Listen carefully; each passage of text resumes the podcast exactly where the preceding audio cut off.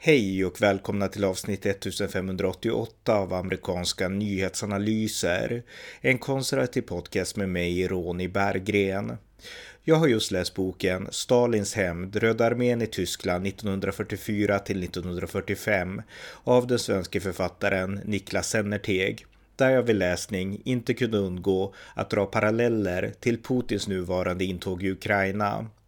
Här redogör jag likheterna och skillnaderna mellan Stalins respektive Putins invasion av Europa. Varmt välkomna! Ja, det pågår ett brutalt krig i Ukraina där Ryssland har invaderat och jag tillhör ju de som anser att vi bör lära och eh, förstå vår tids eh, konflikter och vår samtid utifrån historien. Och jag har nyss läst en historiebok som handlar om hur Stalin eh, erövrade Europa och då framförallt Tyskland i slutet av andra världskriget. Och när jag läste den så insåg jag att här finns det många paralleller till det som nu sker i Ukraina. Så jag tänkte berätta lite om den här boken jag har läst och sen göra paralleller helt enkelt till det som Putin nu gör i Ukraina. Och boken heter Stalins hämnd, Röda armén i Tyskland 1944 till 1945 och det är den svenska författaren Niklas Sennersteg som har skrivit den boken och eh, den gavs ut av Historiska Media 2002, alltså för 20 år sedan. Och eh, författaren har då läst olika arkivmaterial och han intervjuat människor som var med där under andra världskriget. På den tiden för 20 år sedan så fanns det fortfarande många levande friska människor som minns de här krigsåren. Idag så finns det tyvärr inte lika många man kan, man kan intervjua och prata med, men det fanns då och eh, Niklas Endersteg har gjort ett otroligt bra jobb i den här eh, researchen till den här boken. Eh, men hur som helst, bakgrunden då, det är att Tyskland, de hade ju invaderat Ryssland 1941 och stod tyskarna utanför Moskva. Men kriget kom att vända och sommaren 1944, kriget tog slut 45, då hade allting vänt och eh, ryssarna var på väg österifrån mot Berlin och eh, amerikanerna, de var på väg västerifrån då. Och eh, tyskarna, de hade börjat bygga upp eh, en försvarslinje på den östra sidan. Eh, I grund och botten så hade försvaret brutit samman och ryssarna invaderade då snabbt västerut. Eh, många insåg att vi kommer inte att vinna, men Hitlers inställning det var att de tyska uppoffringarna, de skulle göras och vi ska hålla varje, varje tum av liksom tysk mark ungefär. Det var Hitlers inställning. Och eh, Många som eh, levde i tysk, på de här tyska områdena i Tyskland, de var ovetande om faran. De visste att det pågick ett krig ute vid fronten, men samtidigt så var det dels förbud eh, mot att fly och dels var det också propaganda i tysk radio som, som inte alls gav sken av att kriget var förlorat utan tvärtom göt in tanken på att vi kommer att vinna och liksom var inte rädda. Och i synnerhet ungdomarna, de som hade varit med i Hitlerjugend, de gick på den här propagandan. Det var ju nazistregimens propaganda. Eh, men det fanns också då politiska beslut att eh, även vuxna som kanske insåg att det här är värre än liksom vad vi har på radion, de fick inte heller fly. Och och eh, i boken så berättas specifikt om en provinsguvernör, en eh, Gauleiter, som provinsguvernörens titel var, och han heter, han hette Erik Kors, hette han. Och han bannlyste allt prat om flykt från det som det var eh, Ostpreussen, det där tyska området. Och eh, Erik Kors, han var en av Hitlers mest trogna och hänsynslösa guvernörer. Och eh, det finns en intressant parallell till Ukraina här också, därför att den här Erik Kors, han hade 1941 utsetts till, till nazitysk rikskommissarie för Ukraina och där blev han en av Nazitysklands mest grymma centralfigurer. Eh, han hade han kom till Ukraina då och där hade han först hälsats välkommen av Ukraina. Därför att de välkomnade först nazisterna, därför att de trodde att och hoppades att nazisterna skulle befria dem från Stalins förtryck. Stalin hade förtryckt Ukraina enormt och eh, utsatt Ukraina för holodomor, alltså den här massvälten där miljoner ukrainare svalt ihjäl, en av världshistoriens största iscensatta svältkatastrofer av Josef Stalin. Så att eh, ukrainarna hoppades att nazisterna skulle befria dem från Stalin, men snart kom man i Ukraina fram till att nazisterna var ännu värre och det uppstod olika partisanrörelser som kämpade mot nazisterna och gjorde uppror. Och eh, Erik Kors, han satte hårt emot och sa att jag ämnar suga sista droppen ur detta land. Jag kom inte hit för att sprida välsignelse. Invånarna måste arbeta, arbeta och återarbeta och eh, mer än två miljoner ukrainare deporterades till den tyska rustningsindustrin för att tvångsarbeta Tyskland och eh, Erik Kors han ansåg att ukrainarna var halvapor och sådana som måste hanteras med piskan precis som negrer. Så sa den tyske rikskommissarien Erik Kors.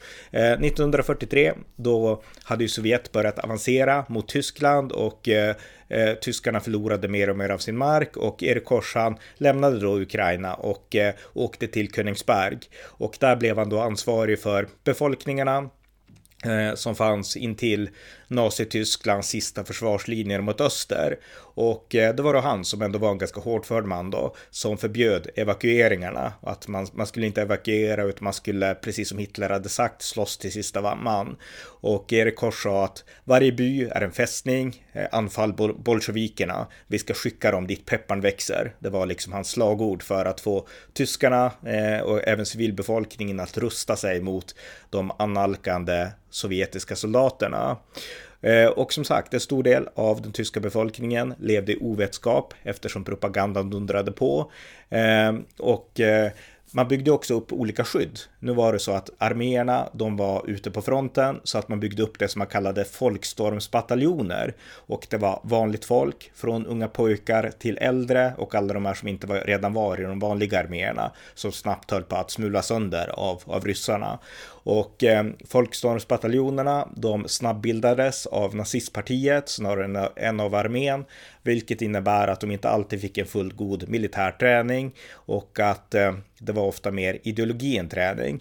Man tillämpar också från eh, nazistregimens sida en stenhård disciplin och något som hette eh, Sip, eh, Sippenhaft, hette det. Och det var en metod som härrörde från den uråldriga iromanska historien där man då tillämpade hårda straff och dödsstraff eh, mot familj och släkt på dem som deserterade eller förrådde Tyskland. Och det här gjorde man då för att eh, armén skulle hålla samman och inte de här folkstormsbataljonerna inte skulle uppluckras och bara försvinna iväg och fly.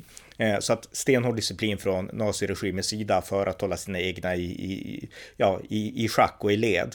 Och eh, de här folkstormsbataljonerna, de höll till och från olika fronter. De och de reguljära arméerna, de fördröjde ryssarna på somliga håll och de försökte skapa utvägar för civilbefolkningen. Vissa små till en början evakueringar tilläts och eh, i takt med att ryssarna kom närmare så blev det sen massflykt. Men från början så, så var det ju stopp då på grund av Hitler och Erik Kors.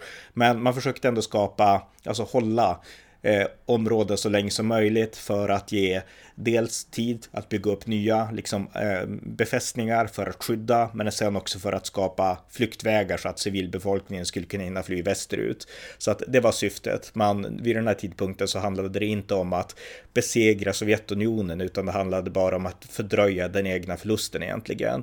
Eh, men i stad för stad så väcktes insikterna om att eh, man behövde fly. Och Eh, Eh, tåg användes till en början för att skapa, för att liksom hjälpa flyktingar, tyska civila och eh, från början så gick det, men alla flydde ju inte på grund av propagandan och på grund av förbuden.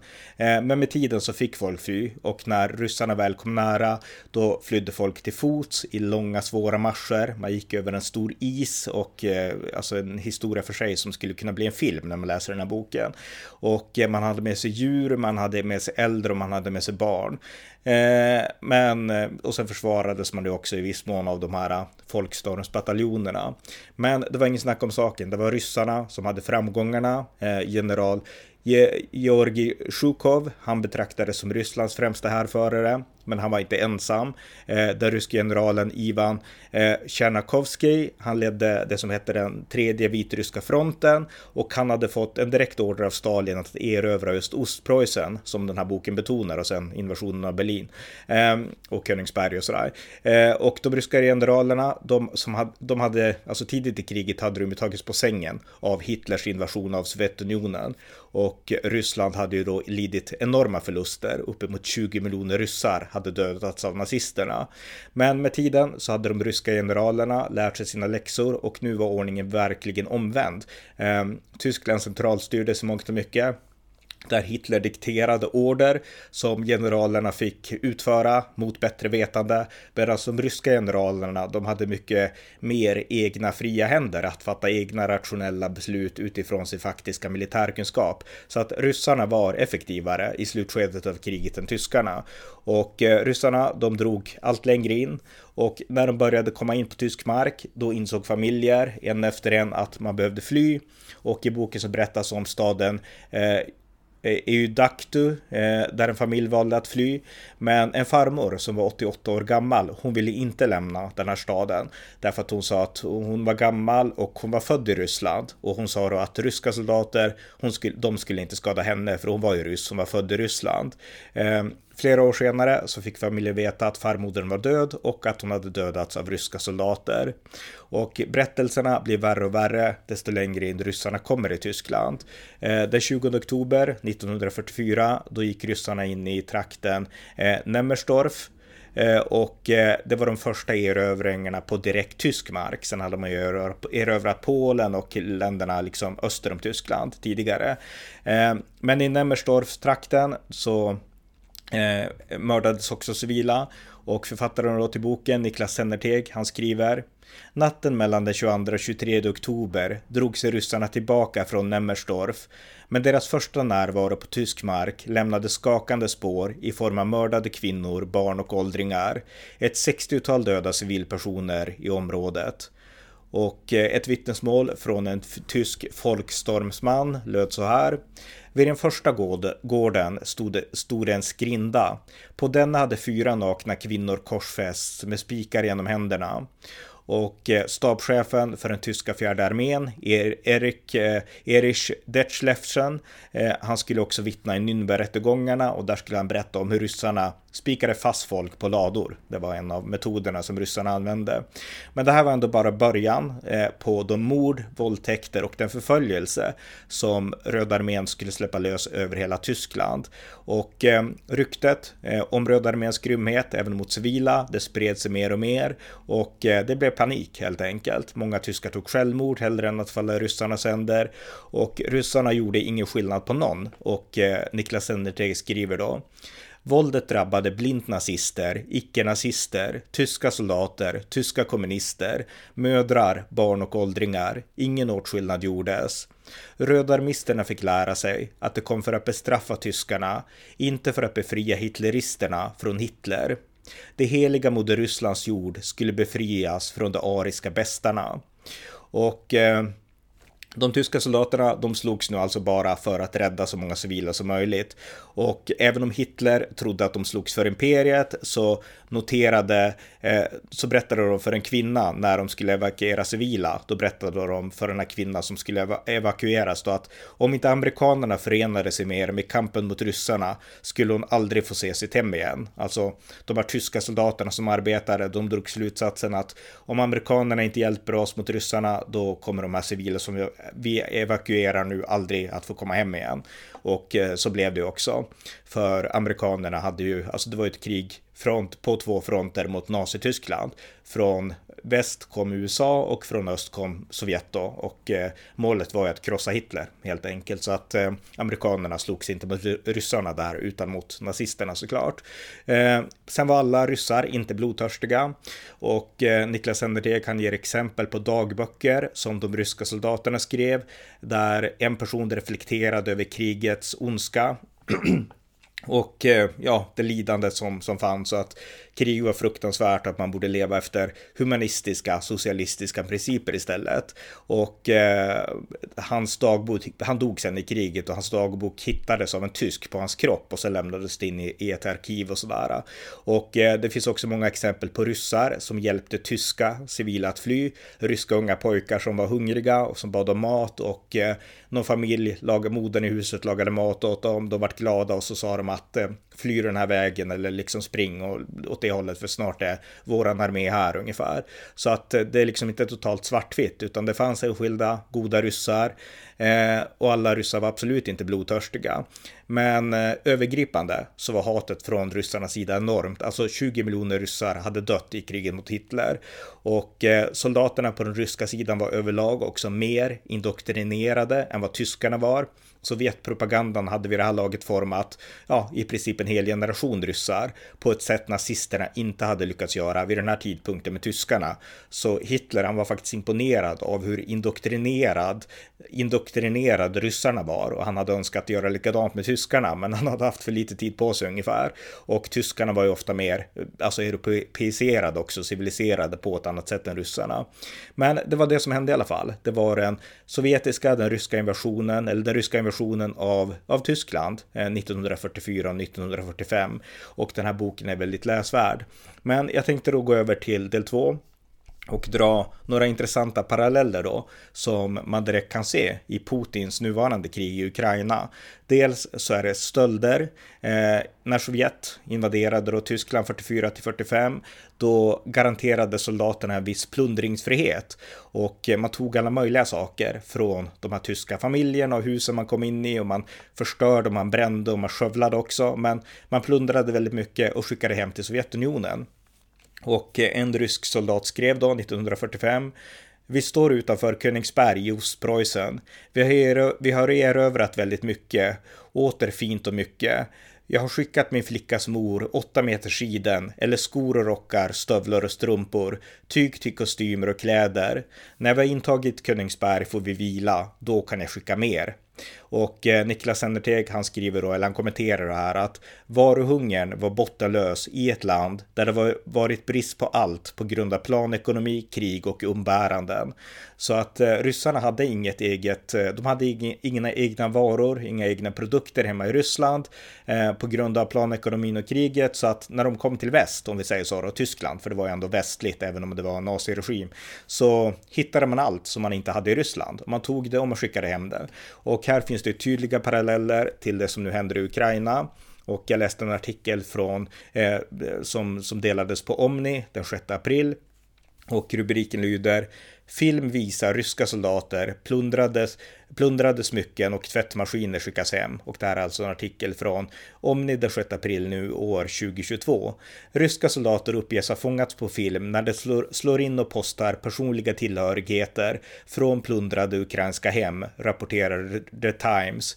En läckt video från en övervakningskamera som släpps av belarusiska aktivister visar hur ett dussintal ryska soldater köar för att skicka hem stulna tv-apparater, tvättmaskiner och smycken från ett ryskt postkontor i den belarusiska staden Masyr.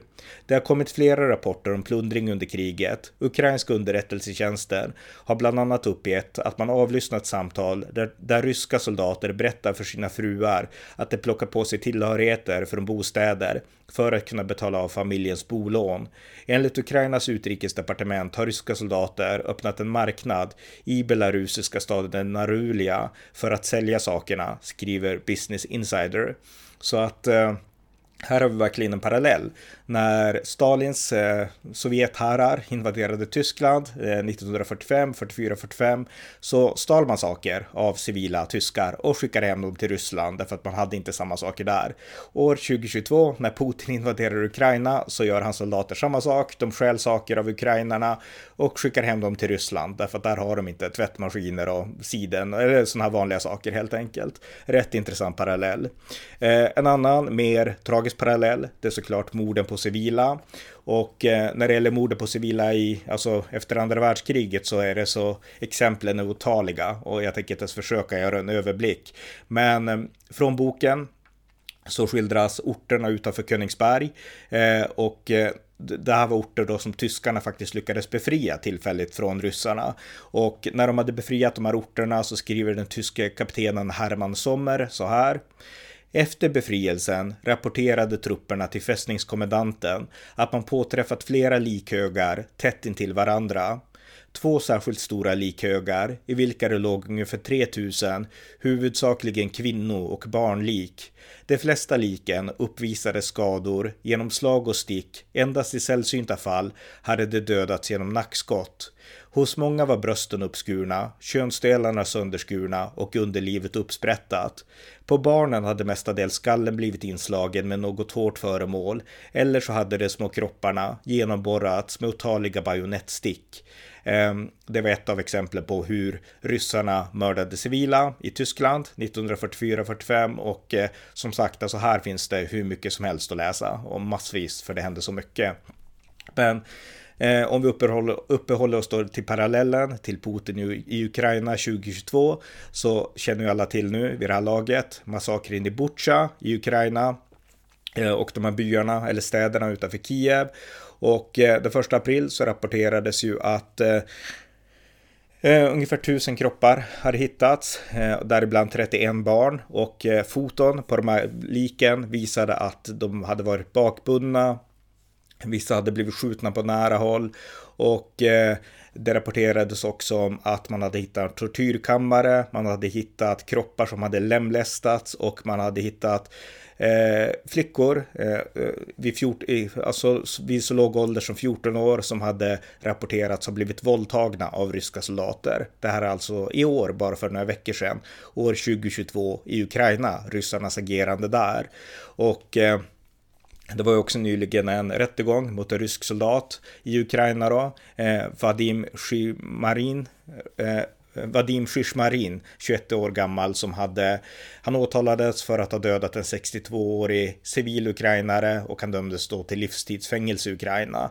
Och eh, det här var ju då för Ukrainas första krigstribunal mot de här ryska övergreppen. Och det intressanta är att Ryssland själva, de förnekar att, att det här har skett och de förnekar alla bevis och så. Och här finns det Eh, en intressant parallell till Sovjetunionen. Därför att när det här hade hänt så pratades det inte så mycket om det här i Sovjet heller. Eh, och eh, tvärtom, det gjordes det inte och man förnekade det inför väst att man hade gjort så här. Men i Sovjetunionens fall, 1944 till 1945, så visar det mesta på att eh, det här var inte liksom direkta order från Stalin, nu ska ni våldta. Men det gjordes och alla befälhavare lät det göras, det tilläts göras och i den mån man sen styrde upp det här, det var när man insåg att nu är vi allt närmare Berlin och vi kommer snart att möta de amerikanska styrkorna. Och då ville man inför de amerikanska, brittiska styrkorna inte liksom framstå barbariska. Så att det som avskräckte ryssarna lite senare, det var just att man ville måla upp en bild av sig själva inför den andra halvan av alliansen, britterna och amerikanerna, som att man var humana. Men man var inte det när ingen tittade så att säga. Så att det är rätt intressant och det är liksom återigen samma form av liksom att bara mm, vara någon slags ögontjänare på samma sätt som Ryssland försöker vara när man förnekar att det här sker inte, vi gör inte sånt. Eh, Medan man egentligen gör sånt och inte heller har så många moraliska betänkligheter heller, utan man, man gör det när man kan och när man inte kan låter man bli ungefär. Men det är rätt intressant. Eh, sen när vi går in mer på våldtäkterna specifikt så eh, i Sovjetunionen då, eh, eller i Tyskland, Sovjetunionens invasion, så alltså, så var det mängder av våldtäkter, otroligt många. Och eh, ryssarna gick ofta fram till, till, tyska kvinnor och sa bara “Frau, kom och eh, de tyska kvinnorna, de var tvungna att lyda, annars blev de dödade eller torterade eller så blev någon anhörig torterad. Och eh, en sovjetisk major, han berättade för en amerikansk krigskorrespondent eh, Plundringar och våldtäkter började först i stor utsträckning då våra soldater kom till Tyskland. Eh, och eh, Sexuellt var det så svältfödda att de ofta överföll gamla kvinnor på 60, 70 eller till och med 80 år. Kosackerna och de övriga asiatiska truppernas uppträdande var särskilt dåligt. Och eh, en kirurg i Rössel i Ostpreussen, han skrev så här. Eh, redan efter de första dagarna lämnades en barnsängskvinna med allvarlig skottskada i lungan in till oss på sjukhuset. När en ryss skulle våldta henne gjorde jag klart för honom att hon var nära nedkomsten. Då sparkade ryssen henne i magen och sköt henne. Barnet föddes för tidigt. Modern kom till sjukhuset i ett nästan hopplöst tillstånd men tillfrisknade efter några månader. Enligt mina erfarenheter törs jag påstå att blott 10 av kvinnorna och flickorna mellan 50 och 15 år blev skonade. Så skrev en kirurg då i Ostpreussen. Och eh, en kvinna berättade en kvinna berättade för mig att hennes 17-åriga dotter blivit våldtagen av 17 bolsjeviker inom loppet av en timme. Eh, hon avled sedan i följderna av denna brutalitet. Och eh, exempel på våldtäkter är också helt enorma. Och här finns det också tydliga paralleller till Putins agerande i Ukraina. Och eh, en artikel i The Independent från häromdagen den 3 juni med rubriken 100 days of Ukraine invasion, how Russian soldiers uh, weaponized rape uh, in war with Kiev. Och där så berättas det om tre exempel. Dels om en kvinna som heter Natalia som försökte undkomma en rysk soldat eh, som var full och han våldtog henne i flera timmar. Och han gjorde då mot hot att eh, om han inte fick våldta henne så skulle han döda hennes fyraårige eh, son. Eh, så att hon lät honom våldta henne, henne då. Och eh, sen så finns det ett annat exempel i Charkiv eh, där en person eh, tvingades ge oralsex till en man som sen våldtog henne, en rysk soldat och eh, han hotade med att eh, döda kvinnans, den här 31-åriga kvinnans dotter om hon inte gick med på det. Och eh, hon blev våldtagen och hon blev också skuren i ansiktet med en kniv och slagen och sådär. Eh, andra, ett annat exempel som nämns i artikeln, det är tre ryska soldater som eh, gick in och stal i en kvinnas hus i Ukraina och eh, där hon då bodde med sin mor och eh, de våldtog henne sen i en hel vecka i det här huset och sen sköt de ihjäl modern eh, när modern eh, eh vägrade lämna huset. Eh, och det här är liksom bara några exempel på mängder av exempel på våldtäkter i Ukraina från ryska soldater. Eh, men här finns det också skillnader som jag vill betona. Alltså vi vet inte hur många som har blivit våldtagna i Ukraina än, men det som hände under andra världskriget, det som hände, det var enormt. Och eh, Sennerteg skriver så här i sin bok att våldtäktsvågen i östra Tyskland under de sista krigsmånaderna är vad vi vet hittills oöverträffad i historien till sin omfattning. 1,9 miljoner tyska kvinnor blev våldtagna av rödarmister under den sovjetiska frammarschen.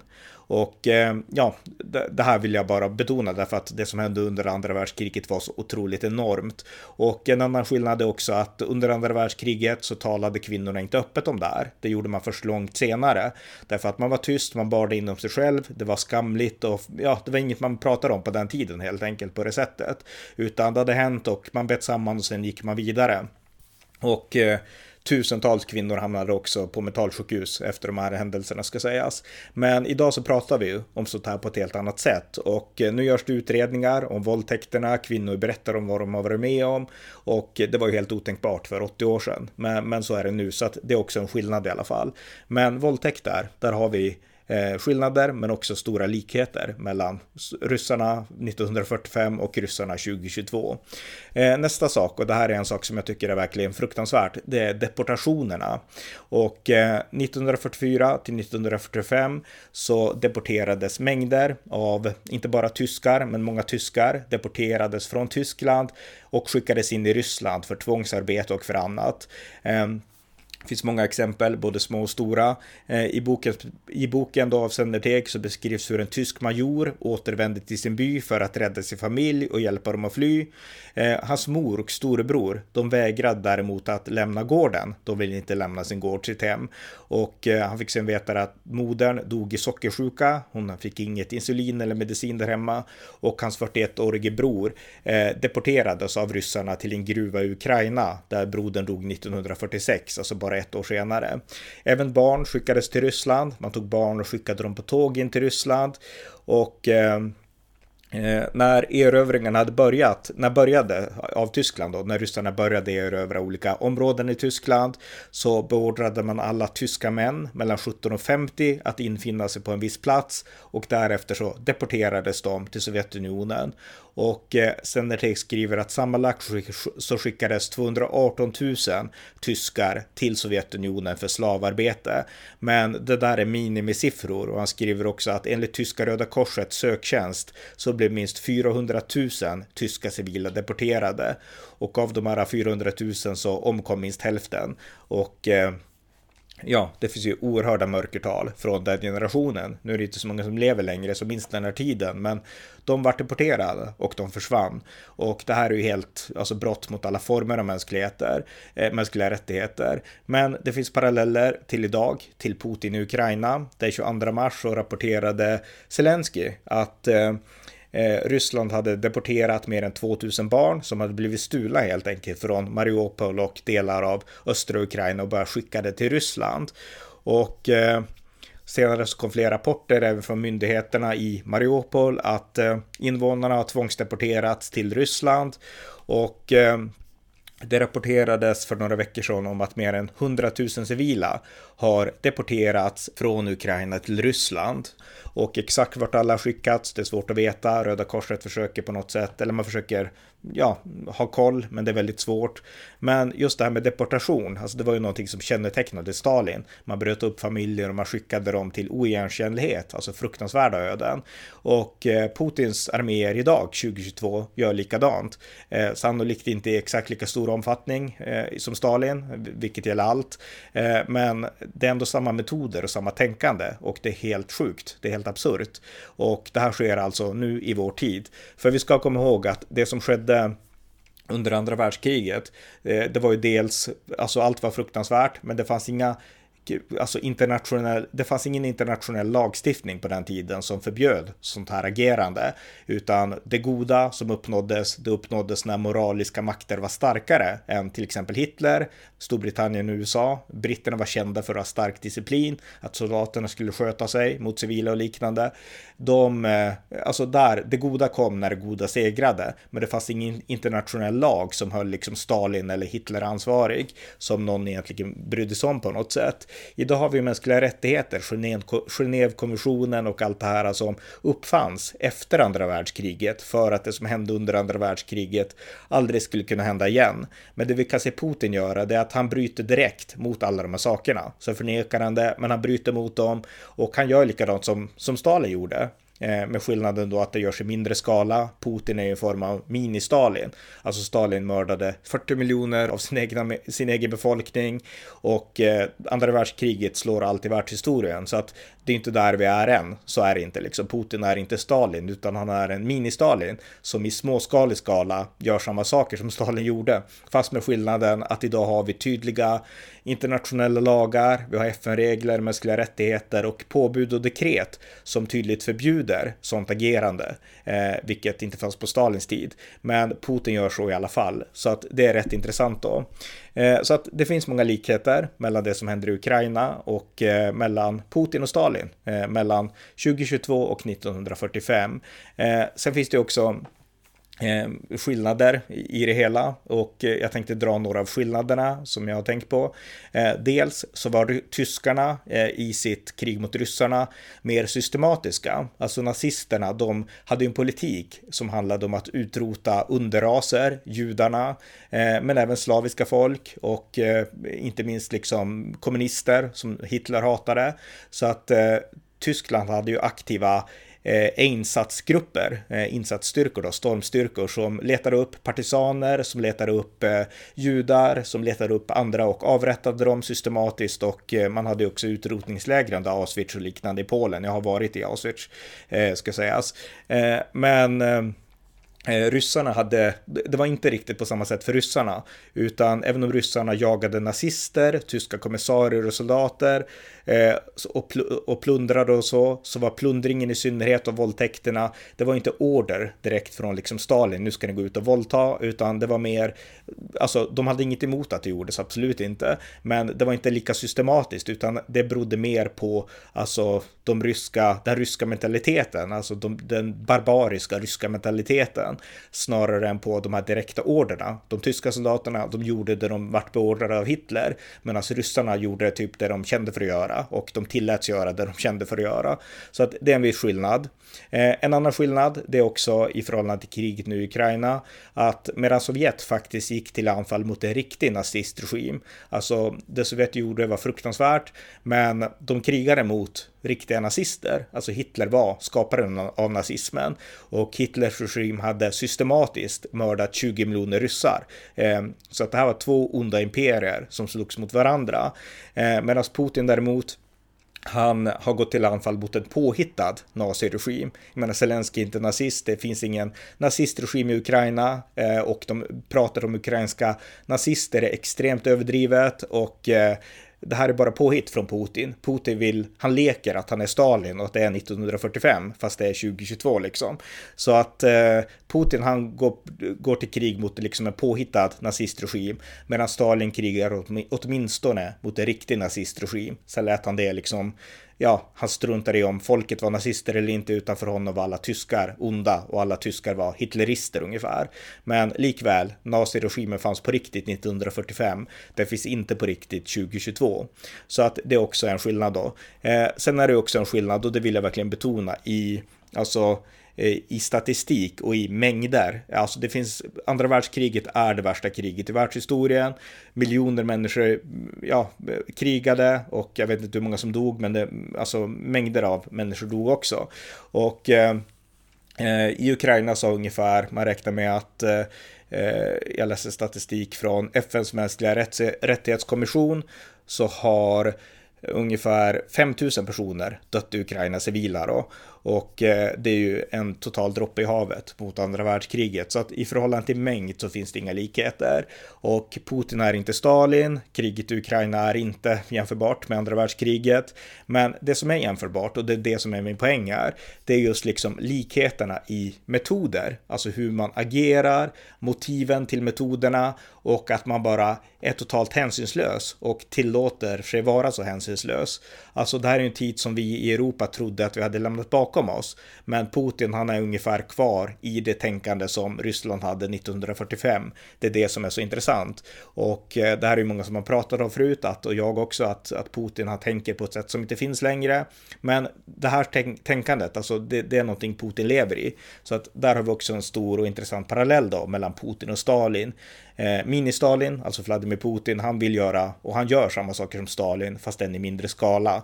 Eh, sen finns det också andra likheter, båda var och är paranoida, dubbelspelande mot väst eh, och eh, båda de, de, de, de menar, alltså i förhållande till väst så säger de att vi, vi bryr oss om civila, vi dödar inte civila.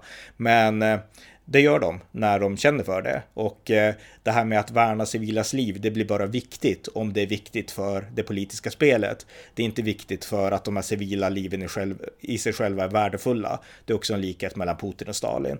Så att eh, likheter och skillnader, men jag tycker att de här parallellerna var intressanta. För det visar också allvaret, allvaret i det hela. Jag menar, att Putin nu bara krigar i Ukraina, det, det beror inte på att han är så god och att han vill skona övriga Europa, utan det beror på att han är svag. Han är inte Stalin, utan han har inte förmågan att kriga i Tyskland eller i Finland eller Sverige, utan han har bara förmågan just nu att kriga i Ukraina. Men hade han haft förmågan att eh, agera större så är jag rätt säker på att han hade förmodligen gjort samma saker som Stalin gjorde i Europa om han hade kunnat. Och det visar att vi måste ta Putin på allvar. Vi kan liksom inte sänka garden bara för att Ryssland just nu är svagt och har blivit försvagat tack vare Ukraina, utan vi måste inse att vi har verkligen att göra med en galning. Och en av världshistoriens största folkmördare är Josef Stalin. Han är Europas största folkmördare. Mao eh, kom ju före då. Men Eh, vi måste på något sätt eh, inse att eh, här har vi en miniatyr av Stalin i Vladimir Putin och det kan inte ignoreras, det kan inte liksom tillåtas glömmas bort och vi kan inte tappa fokus nu bara för att det går trögt för ryssarna i Ukraina. Det här är ett hot, Putin är ett hot och det kan vi lära av historien. Och en av historiens läxor då det är att inte tappa fokus, inte på något sätt förringa det här hotet eller tro att, att det här kommer inte drabba oss. Det var så tyskarna kände och trodde tills ryssarna väl var där och då uppstod massflykt. Så vill man förhindra sånt så måste man vara vaksam i tid. Det är väl det som är lite läxan från historien. Men en intressant bok i alla fall med många paralleller till vår tid och boken heter Stalins hämnd, Röda armén i Tyskland 1944 till 1945 skriven av eh, Niklas Sennerteg. Så att det är en bok som jag rekommenderar. Så att det var allt för det här avsnittet. Ni har lyssnat till amerikanska nyhetsanalyser. Under andra världskriget klarade sig Sverige från såväl Hitlers som Stalins vrede på ett sätt våra nordiska grannländer inte gjorde. I vår tid kommer vi, genom vårt framtida NATO-medlemskap, att klara oss från den form av aggression som Putin nu riktar mot Ukraina. Men vi förblir också tryggare tack vare den kamp som det ukrainska folket driver. Jag vill därför mana er som har möjlighet att med en slant stödja valfri organisation som bistår Ukraina. Inget enskilt land i Europa kunde stå emot Stalin, därför skapades NATO. Putin är avsevärt svagare än Stalin var, men det är samma europeiska solidaritet som behövs för att säkra Europa också i vår tid. Så om ni har möjlighet, stöd Ukraina. Det var allt för denna gång. Tack för att ni har lyssnat. Thank